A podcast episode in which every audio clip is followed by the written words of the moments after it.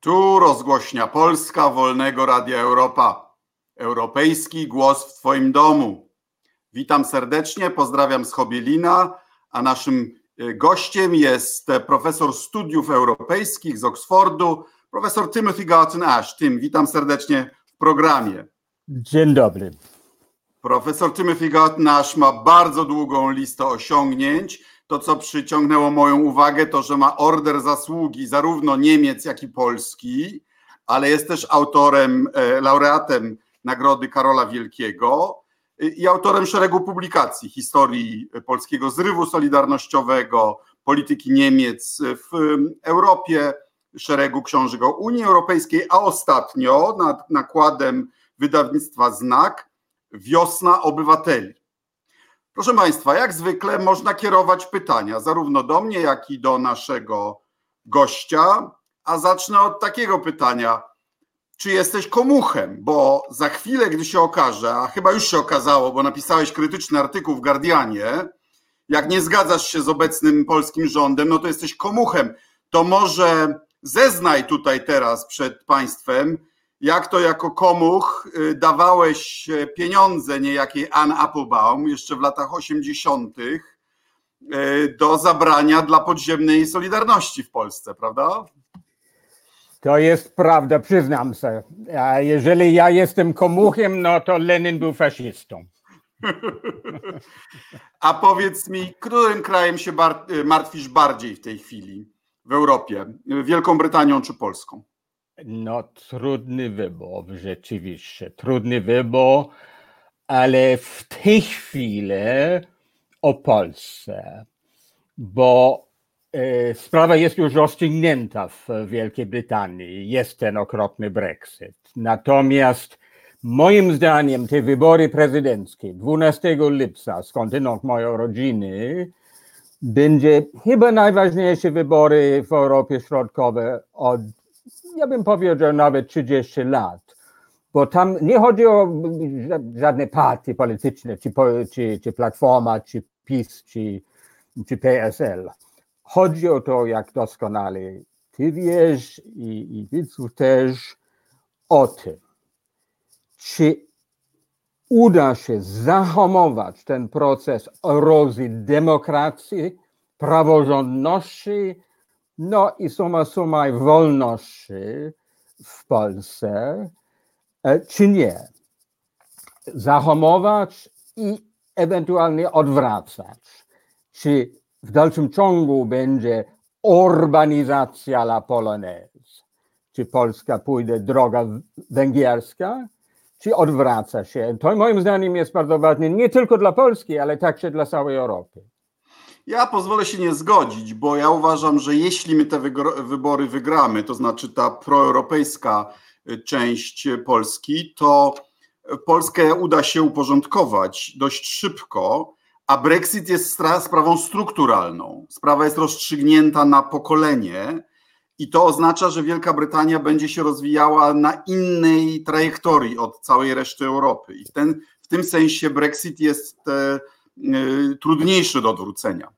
Absolutnie, absolutnie, strukturalnie, historycznie masz, masz rację, tylko że ty zapytałeś w tej chwili, co mnie najbardziej martwi. I w tej chwili sytuacja w Polsce mnie najbardziej martwi, ale ja też widzę w tym e, szansę, szansę dla Europy, bo mamy już nowa konstelacja w, w Europie, gdzie jednak mamy ten partnerstwo e, e, franko-niemieckie wreszcie jest plan na odbudowę Europie po koronawirus. Jest sensowny rząd w Hiszpanii, nawet w Włoszech to sensowny rząd.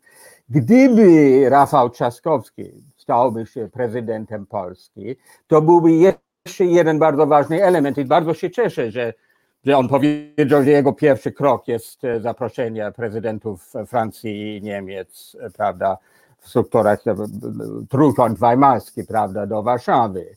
A więc tu widzę szansę. Natomiast jeżeli mówimy o Wielkiej Brytanii, mamy przed nami e, bardzo długi, bardzo trudny okres. Bo wiesz, to nie będzie, to jest nie tylko Brexit, to jest bardzo twardy Brexit, e, który teraz przygotuje. Czy, czy Borys zrobi to, co z umową o wyjściu, to znaczy mówiąc, że się nie zgodzi, w ostatniej chwili się zgadza i ogłasza sukces, czy też pójdzie rzeczywiście na super twardy Brexit? Twardy albo super twardy. Tak. To znaczy, to oznacza, że nawet jeżeli jest w, ostatnim, w ostatniej chwili taki kompromis minimalny, to będzie minimalny kompromis i różnica między ta umowa, ten kompromis i no deal, tak zwany no deal, będzie tak naprawdę niewielka. E, I ja myślę, że potem mój kraj. Albo, będą kontrole celne i jakościowe w Dover i Folkestone, albo nie będzie.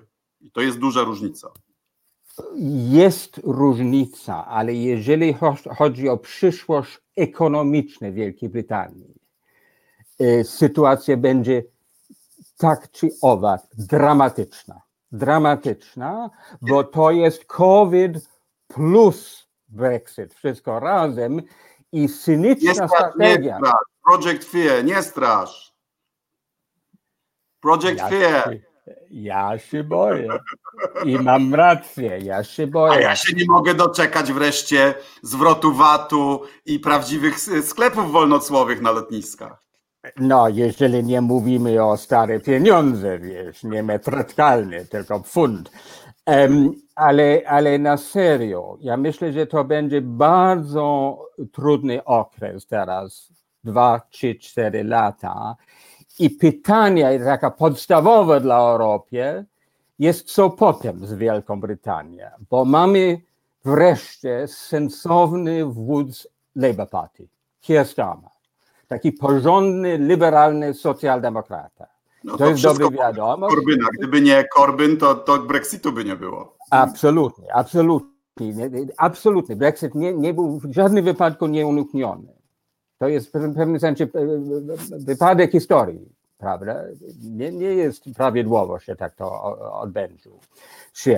A, a, a, a, a dla Europy moim zdaniem jest pytanie, jak wykształcić te stosunki z Wielką Brytanią na 10 lat i nie na lat czy dwa. Jasne. Mam jedno bardzo konkretne pytanie zadane mi przez polskich studentów na Oksfordzie, ale myślę, że ciekawe dla obecnych studentów w ogóle w Wielkiej Brytanii i potencjalnych też. Rozumiem, że y, obywatele Unii tracą przywileje na uniwersytetach brytyjskich i jeśli chcą studiować od nowa, jak rozumiem, to nie dotyczy już studiujących, to będą musieli e, płacić tak jak Chińczycy czy inni obcokrajowcy. Czy St. Anthony's czy Oxford w ogóle ma na to jakikolwiek wpływ i jak przewidujecie, to się odbije na finansach uczelni? To po pierwsze e, jest decyzja rządu ogólnokrajowa, a więc my nie mamy wpływu. Bo gdyby to od nas zależało, oczywiście byłoby to samo tak jak dzisiaj. To po pierwsze. Po drugie, y, skutki na finanse tego właśnie elementu są nie bardzo znaczące, dlatego że oczywiście jest tyle chętnych i dobrych kandydatów z całego świata, że trochę nie mamy z Europy Środkowej. Ja osobiście to żałuję, ale trochę więcej powiedzmy z Chinach czy z Indii, prawda? Um, ale mam nadzieję, że my możemy coś zrobić e, e, w tym sensie, że będą więcej i większe stypendia dla studentów z tego regionu. Jasne. E, kiedy pierwszy raz przyjechałeś do Polski? w 79 roku, lato. I, i tuż, bywa... po pierwszej, tuż po pierwszej wizytach e, e, e, Jana Pawła II, papieża. Napisałeś o Polsce i, i, i Europie Środkowej książki, odwiedzasz nas regularnie, znasz nas na wylot. Co sądzisz o tej zachodnioeuropejskiej manierze pisania o, o tym, jakoby nasz region miał jakąś szczególną politykę, jak, jakoby populizm jakoś był szczególnie postkomunistyczny czy środkowoeuropejski. Na ile uważasz Brexit czy Trumpizm to jest e, to samo, ten sam bunt przeciwko globalizacji i produkt tych samych emocji, co populizm w Polsce czy na Węgrzech? Bardzo ciekawe pytanie. Ja napisałem właśnie ostatni rozdział tej książki Wiosna Obywateli jest akurat na odpowiedź na te pytania. Tu są jak gdyby dwie płaszczyzny. Po pierwsze, jest bardzo, jak doskonale sam wiesz, mocny stereotyp Europy Środkowo-Wschodniej na Zachodzie i w Stanach, że jak gdyby z krwi, z własnej natury, z istoty, z mlekiem matki. jest kraj, kraj, znasz to, nacjonalistyczny, reakcyjny, antysemitycki i tak dalej. Ja osobiście walczę z tym stereotypem przez ponad 40 lat.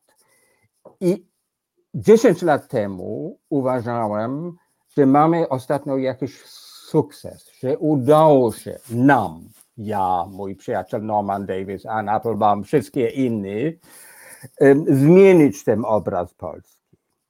A teraz to wszystko bardzo szybko wraca. I właśnie PiS, który ma dbać o dobre imię Polski, zepsuje ten dobre imię Polski i telewizja polska.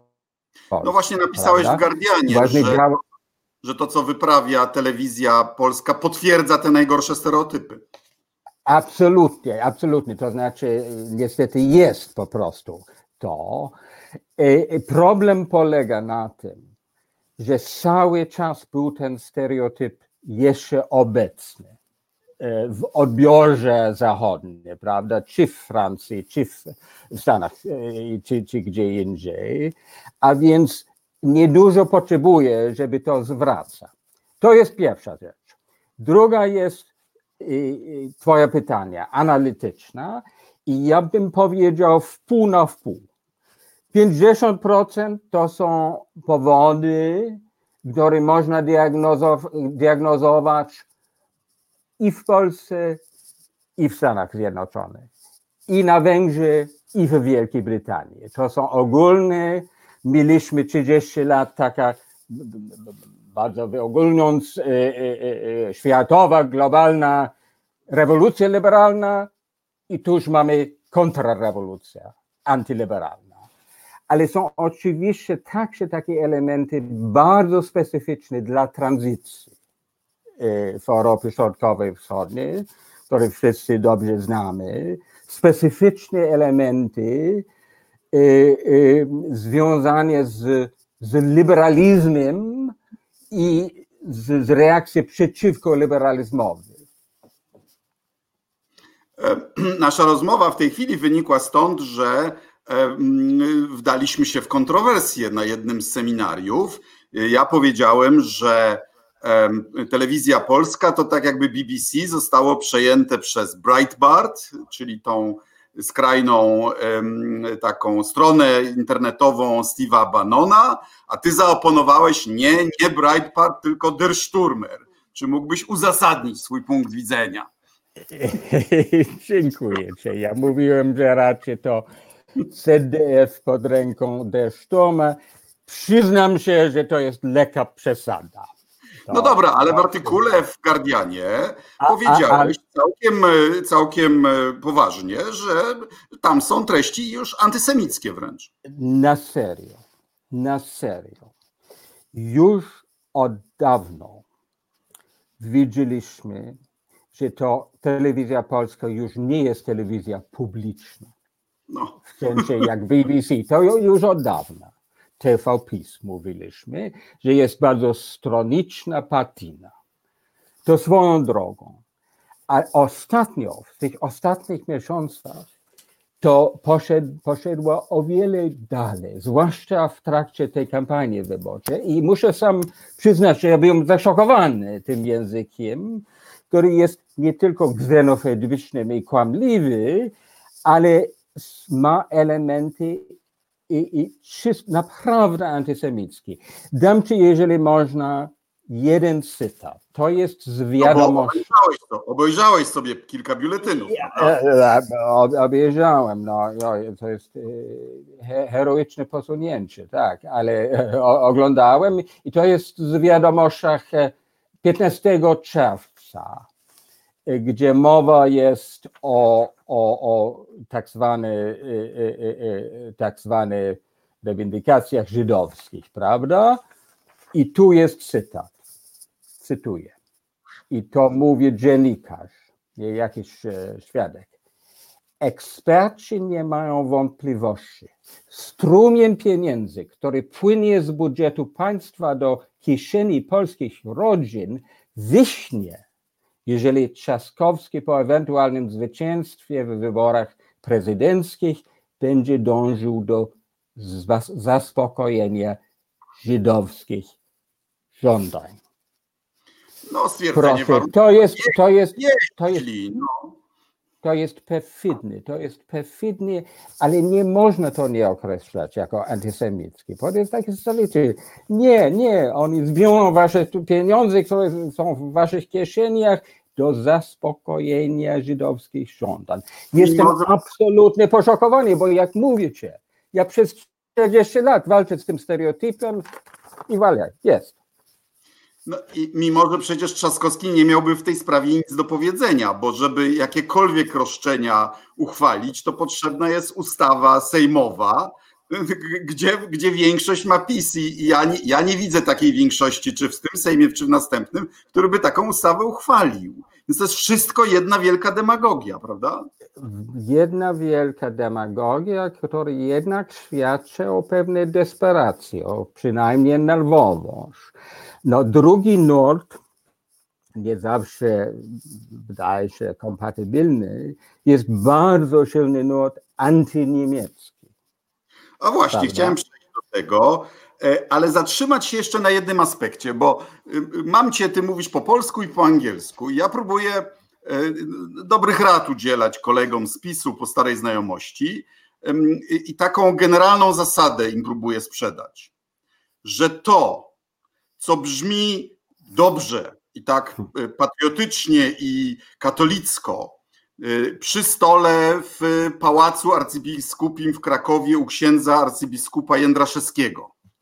To, co brzmi y, tak rzeźko i dosadnie na falach Radia Maryja albo na wiecu partyjnym, na przykład tęczowa zaraza, czy tam te wszystkie wycieczki pod, y, pod adresem Niemców czy Żydów, wystarczy to przetłumaczyć na angielski i mamy nienawistny obciach i mamy kłopot.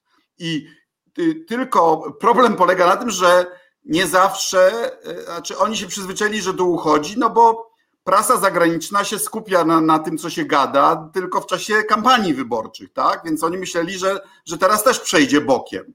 A teraz nie przechodzi bokiem. Ale problem jest w tym, że to, co uchodzi po polsku, nie uchodzi po angielsku.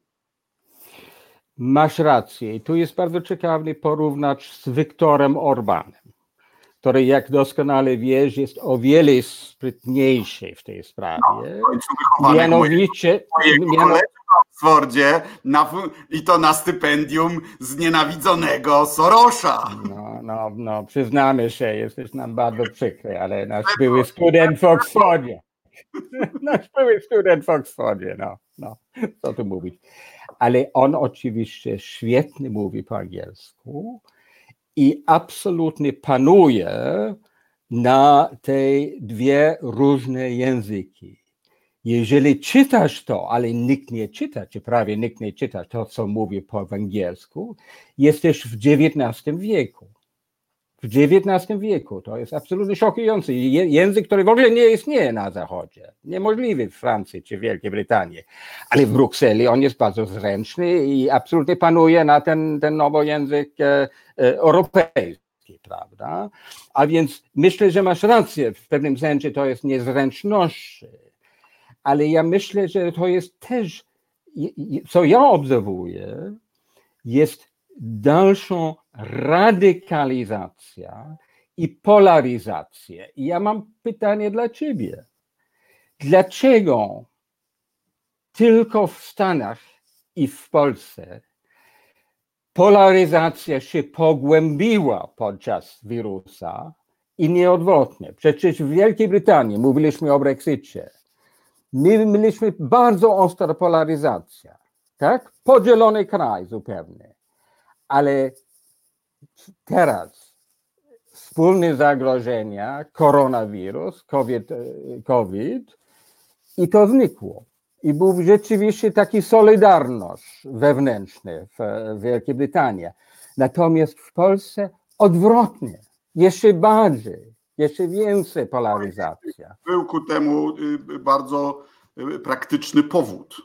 Mianowicie rząd próbował przeforsować drugą kadencję obecnego Absolutnie. prezydenta, Absolutnie. organizując niebezpieczne y, wybory u szczytu pandemii. To, to było to. Po, a muszę to powiedzieć, ja, ja to oglądałem głównie w TVN, nie w TVP i to były sceny groteskowe. Te wszystkie zakłócenia w maskach y, w tej sytuacji, to było groteskowe. Ale, ale, ale, wymusić wybory w sytuacji, gdy konkurenci prezydenta nie mogli prowadzić kampanii wyborczej. No to, to, złamanie wszelkich zasad.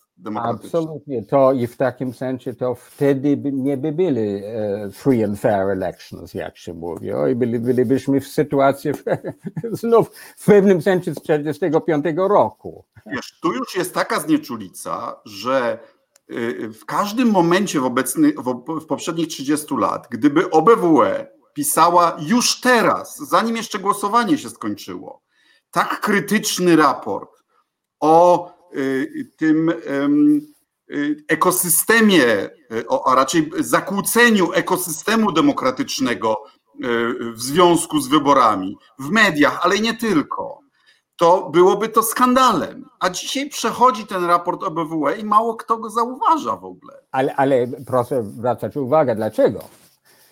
Dlaczego, że Polska jest członkiem Unii Europejskiej i nie kandydatem. Gdzie był kraj kandydat, był kandydatem, to byłby zupełnie inaczej. A ja więc nie mówię o zagranicznych, ja mówię u nas w Polsce. Y, y, y, czulibyśmy się upokorzeni takim, taką cenzurką na, miałe, na Białorusi czy Kazachstanu, a dzisiaj mało kto zwraca na to uwagę. Tak, to jest, to jest ciekawe, ale myślę, że to jest jeszcze ciekawe z innego punktu widzenia. Mianowicie, że politologowie zawsze mówili o, nie wiem, czy to istnieje po polsku, normative power, władza normatywna Unii Europejskiej, czyli że, że, że Unia Europejska jest w stanie jakoś obronić własne wartości wewnątrz Unii. I okazuje się, że nie że raz członkiem Unii Europejskiej można wszystko. I kluczem do tego jest moim zdaniem, jak gdyby rozwód między Europa wartości i Europa pieniędzy, że płynają w dalszym ciągu. Teraz są jeszcze więcej funduszy unijnych do Polski, do Węgier i nie ma żadnego efektywnego więź z sprawa praworządności, demokracji, pluralizm medialny. I dla mnie pytanie jest. Ja się tym martwię, że nasza proeuropejskość jest właśnie płytka y, i, i jest taka duża y, y, tylko dopóty, dopóki bilans przelewów jest na naszą korzyść. I przyjąłem sobie za osobistą krucjatę nie pozwolić, aby nastąpiło w Polsce to, co nastąpiło u Was w Wielkiej Brytanii. To znaczy, że kłamstwa o Unii Europejskiej nie są kontrowane przez polityków i przez klasy gadające i się utrwalają w społeczeństwie, prowadząc do wyjścia z Unii Europejskiej, nawet wtedy, gdy rząd w ostatniej chwili robi zwrot przez burtę. Ale te kłamstwa już są. Są, już są, ale ja, ja je osobiście je kontruję. Chciałbym wrócić do tak. pytania o Niemcy, ale jeszcze jedną kwestię z Twojego artykułu w Guardianie chcę poruszyć. Bo, bo napisałeś w nim, że Pol telewizja polska w tej chwili ma wartości i retorykę skrajnej prawicy. Znaczy, gdzie się Twoim zdaniem kończy prawica, czyli normalny europejski konserwatyzm, a zaczyna skrajna prawica? E, poszanowanie podstawowych reguł e, liberalnej demokracji i pewne no, podstawowe, wa, podstawowe wartości. Tak, powiedział właśnie, że będzie demokracja, ale nie wolnościowa. To tak. jest jego wkład w filozofię polityczną kontynentu. Tak jak nieliberalna demokracja Orbana, teraz będzie demokracja niewolnościowa. Bardzo pięknie, ale to nie istnieje, powiem ci. To jest contradicto an adjento. Jest albo demokracja wolnościowa, albo nie jest demokracja. Przepraszam. Co wy tam na tym Oksfordzie wiecie? Kaczyński wam wytłumaczy.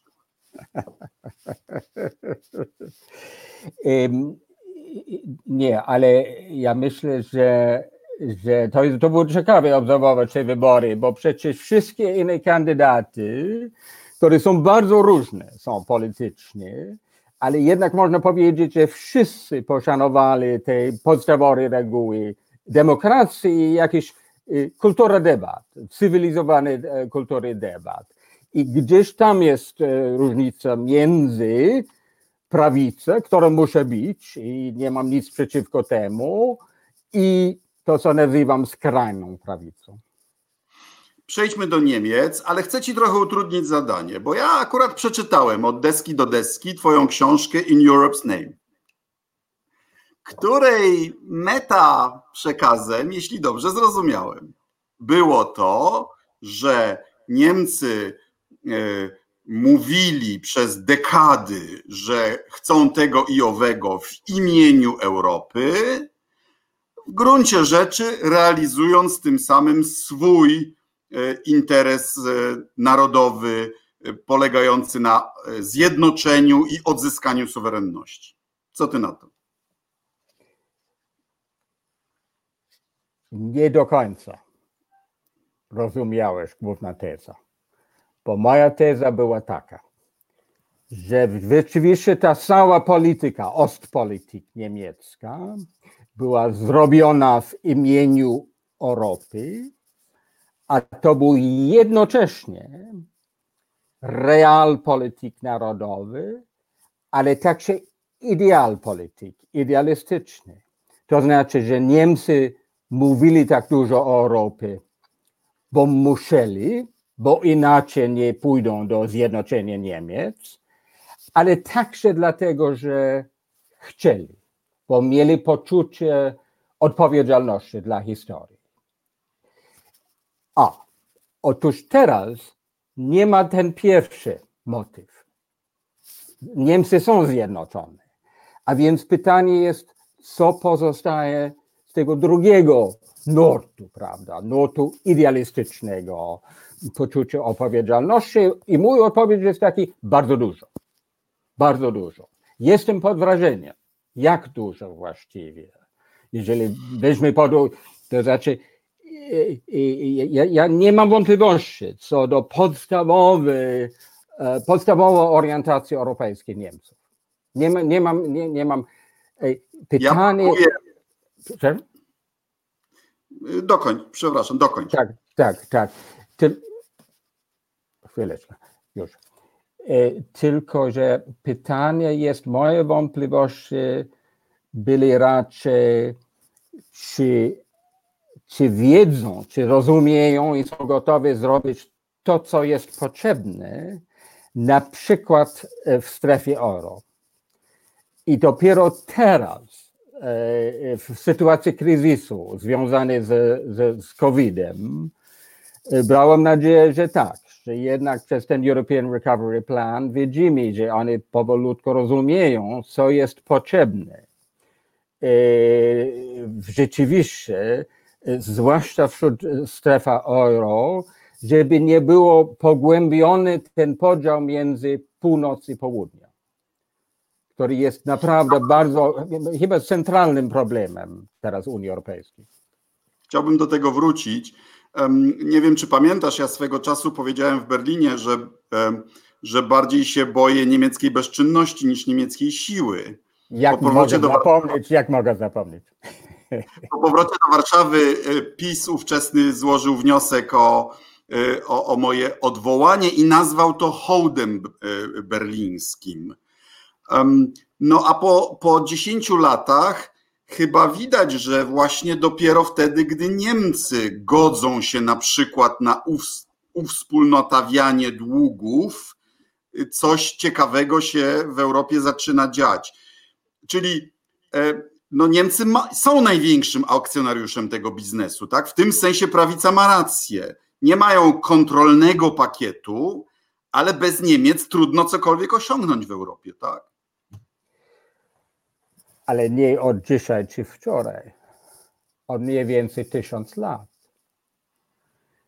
Biły imperium, święte rzymskie imperium niemieckiego narodu jest od mniej więcej tysiąc lat centrum historii Europy.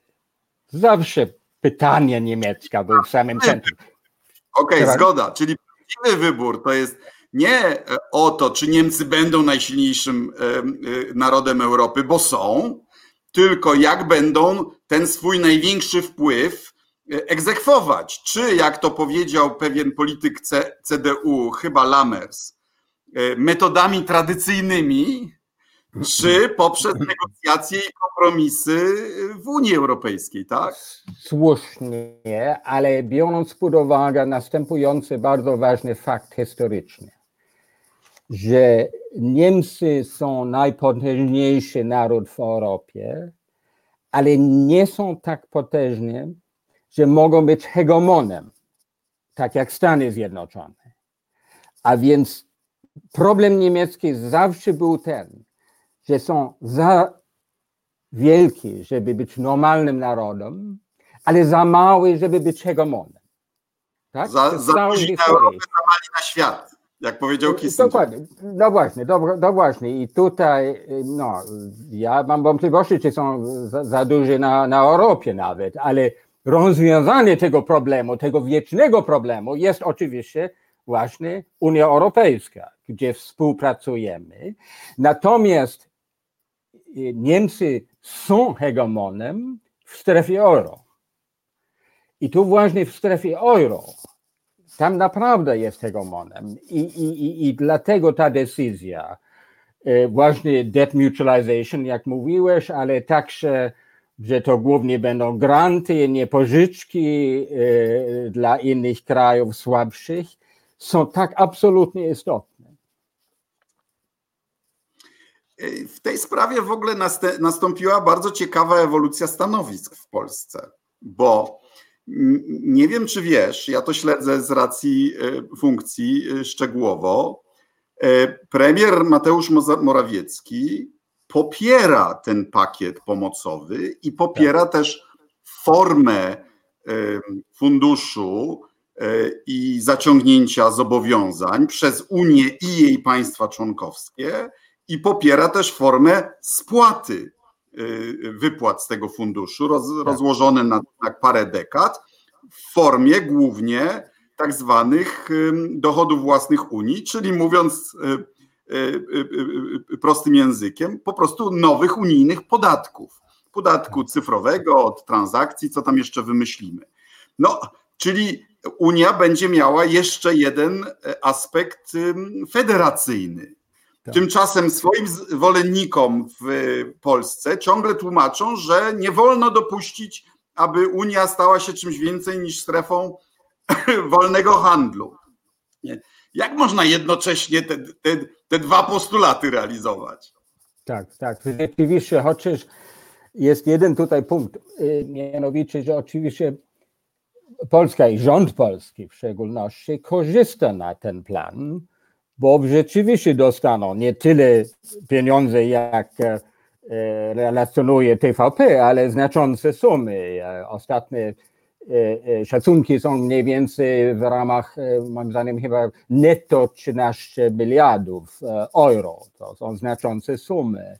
I tu jednak wracam do, do tego punktu, co Unia można i powinno zrobić żeby bronić własnych wartości, wartości europejskich, praworządności, demokracji i tak. Ja myślę, że przynajmniej powinno być tak, że Polska i Węgry muszą akceptować tak zwana prokuratora europejska publiczna, European Public Prosecutor. To są jedyne kraje teraz członkowskie, które to nie akceptują. O to chodzi tutaj. Nie o, nie o żadne jak gdyby wymuszenia e, Polski, jakieś tam imperialne zachowanie się Niemcy czy inni, tylko o to, żeby sprawdzić, i po to jest ta instytucja, że unijne pieniądze są sprawne, transparentne, sprawiedliwie rozdzielone. O to chodzi. Ja myślę, że to jest minimum, które trzeba właściwie oczekiwać. Mamy pytanie od słuchacza. Łukasz Dębski. Koncepcja trójkąta królewieckiego to najlepsze, co mogło Polskę spotkać. W kontekście stosunków polsko-niemieckich chciałbym zapytać, czy kontynuacja tej linii będzie jeszcze w przyszłości możliwa? Jak panowie to postrzegają? Zgadzasz się, że to był dobry pomysł? Y, mówiąc o trójkąt weimarski, czy... Nie, królewiecki. To były spotkania Polska, Niemcy, Rosja. Aha, aha, aha. Aha. Wiesz, ja miałem możliwość przyjrzenia się organoleptycznie temperaturze stosunków niemiecko-rosyjskich. Tak. Ta formuła też teraz umarła. Tak, tak, tak, tak, tak, tak, tak, nie, nie, nie. To um, bardzo jest ciekawe dla mnie, bo jak doskonale wiesz, spędziłem dużo czasu studiując e, historię niemieckie i zwłaszcza Ostpolitik. I przez e, bardzo długi okres był wyraźny priorytet niemiecki dla Moskwy.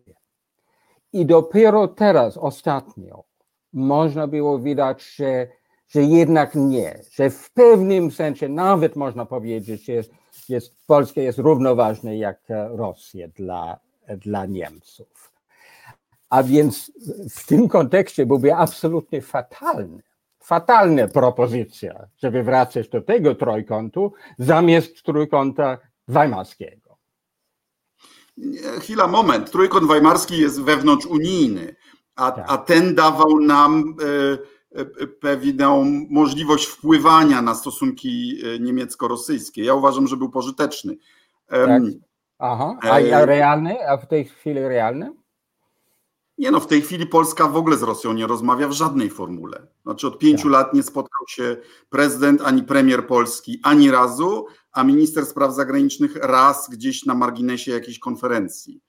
Wiesz, tak. no ja uważam, że dyplomację prowadzi się także z krajami niekoniecznie przyjaznymi. No absolutnie. Ale tak. wracając do Niemiec. E, e, e, badania opinii pokazują, że jedna trzecia Niemców chciałaby być sojusznikiem Rosji przeciwko Stanom Zjednoczonym.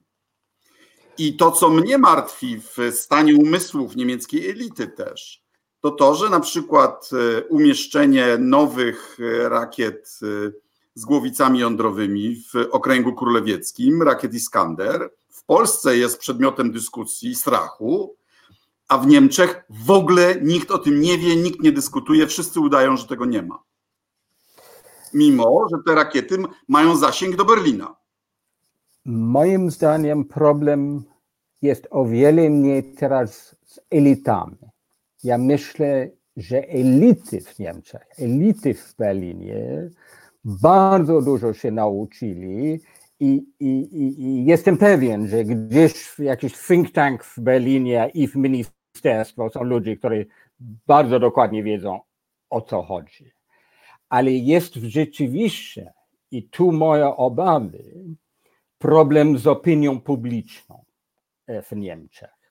Ostatnio był taki sondaż z pytaniem, gdyby był konflikt między Rosją i Stany Zjednoczone, jesteście po stronie amerykańskiej albo chcecie być neutralni. Większość neutralna. Drugie pytanie. Konflikt między Chinami i Stany Zjednoczone. Znów to samo. Większość Ale bycie neutralnej. A więc to, to. Cała Europa tak uważa. Jeśli chodzi o neutralność w konflikcie chińsko-amerykańskim, to to nie jest specyfika niemiecka. Większość opinii publicznej w całej Europie tak uważa. Ale jeszcze bardziej w Niemczech, bo w Niemczech jest w dalszym ciągu i to jest, co Francuzi nazywają les défauts de ses qualités. Jak byś to tłumaczył? To źle stronę coś pozytywnego. Ten w ogóle powojenny, cywilny podejście do polityki Niemców sprawdza, że w dalszym ciągu jest marzenie, że te Niemcy wielki i potężni mogą być w dalszym ciągu taka wielka Szwajcaria. Tak? Wielka Szwajcaria. Tak, bo to Nie ongować w opinii publicznej, ale mówię w opinii publicznej. Nie, nie uważam, że to jest problem z elitami, ale tu jestem umiarkowanym optymistą, bo mamy wybory w, w przyszłym roku w Niemczech. Najprawdopodobniej będziemy mieli koalicję e, czarno-zieloną, czyli Christian e, CDU z zielonymi. I to jest bardzo dobra koalicja. To jest szansa dla Europy. Bo ja ci powiem, zielony teraz są najbardziej proeuropejskie i prozachodne e, siła w, w niemieckim polityce. Z, z tą pod, postmodernistyczną fantazją, że jesteśmy już poza stref historią, poza tradycyjnymi konfliktami i osiągnęliśmy taką nirwanę, w której tylko prawa i multilateralizm się, się liczą, to oczywiście jest realny stan umysłów, ale tak biorąc, e, odcedzając iluzję, to prawda też jest taka, że tak Szwajcaria, jak i Niemcy mogą sobie na takie iluzje pozwolić, bo za sąsiadów mają wyłącznie kraje przyjazne.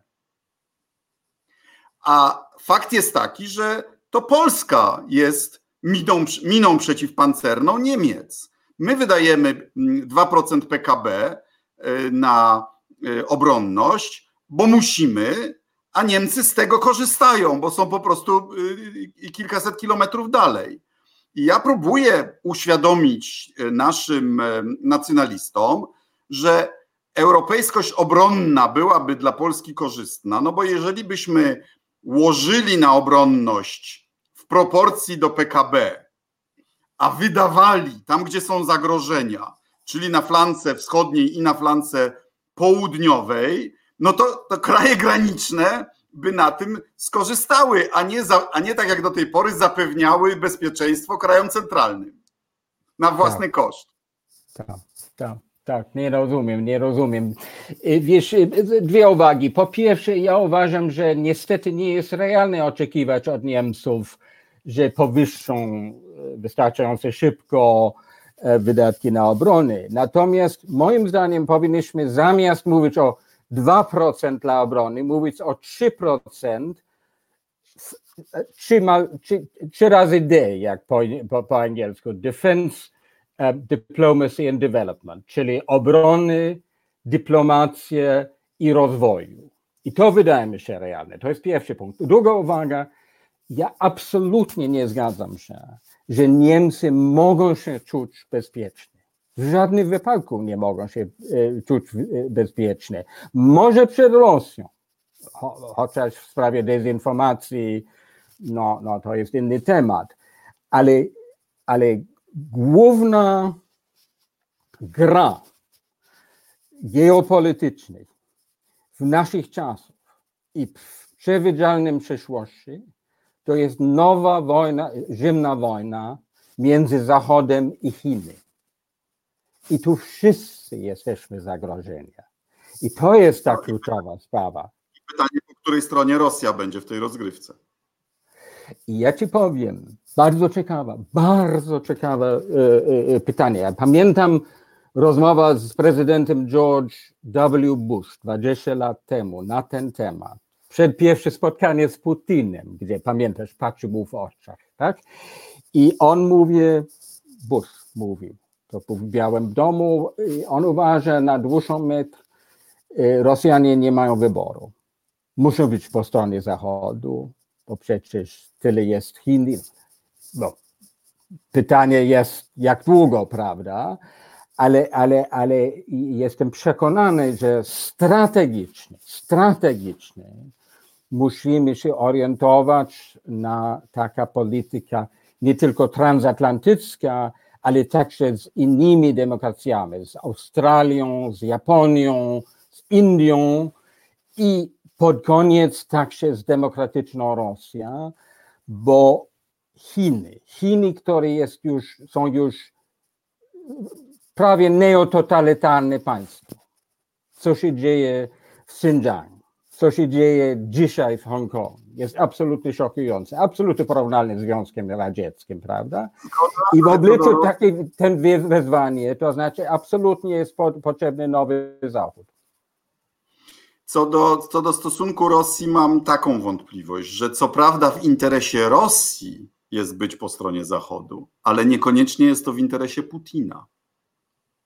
Zgoda, absolutnie. Zgoda, absolutnie. To jest, nie jest sprawa na dziś czy jutro. Prawda?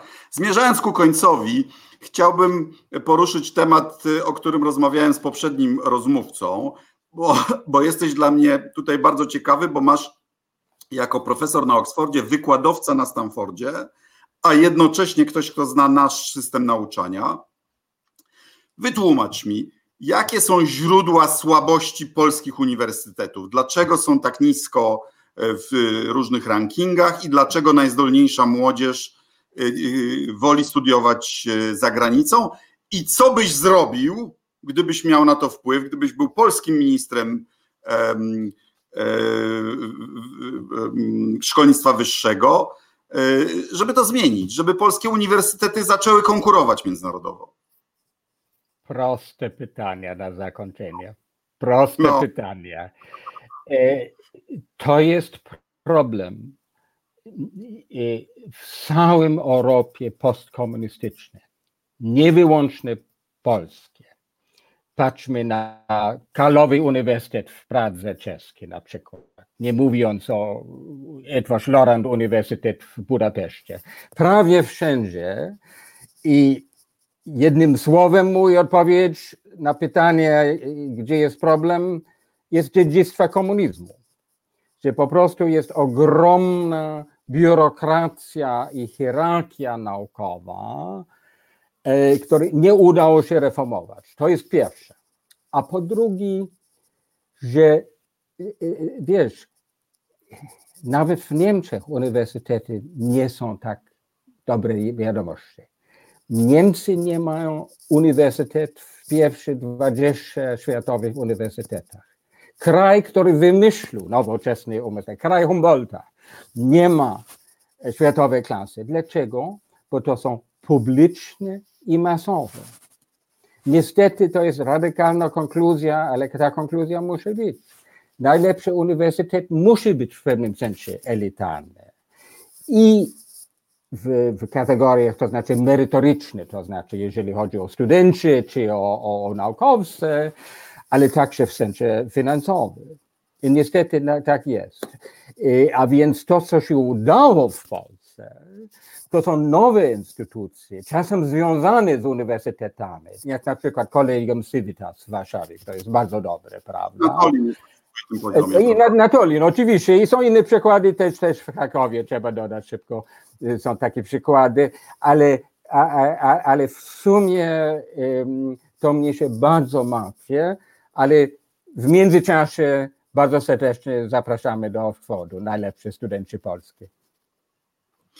Dziękuję pięknie y, za rozmowę. Ten trend populistyczny w Europie zaczął się w 2015 roku w Polsce, potem był, e, potem był Trump i Brexit. Oby w tą niedzielę się w Polsce odwrócił, aby fala poszła w drugą stronę i abyśmy mogli pokazać, że my tutaj, kraj Solidarności, walki o wolność, nie damy sobie narzucić autorytaryzmu nawet w nacjonalistycznej postaci. Serdecznie... Myślę, że to będzie, myślę, że to będzie ważne dla całej Europy. Wolna Europa. Dziękuję serdecznie. To była rozgłośnia Polska Wolnego Radia Europa. Europejski głos w Twoim domu. Jeśli się Państwu podobało, proszę udostępniać, szerować i lajkować, mówiąc niezgodnie z ustawą o języku polskim. Dziękuję naszemu gościowi, dziękuję Państwu. Do zobaczenia.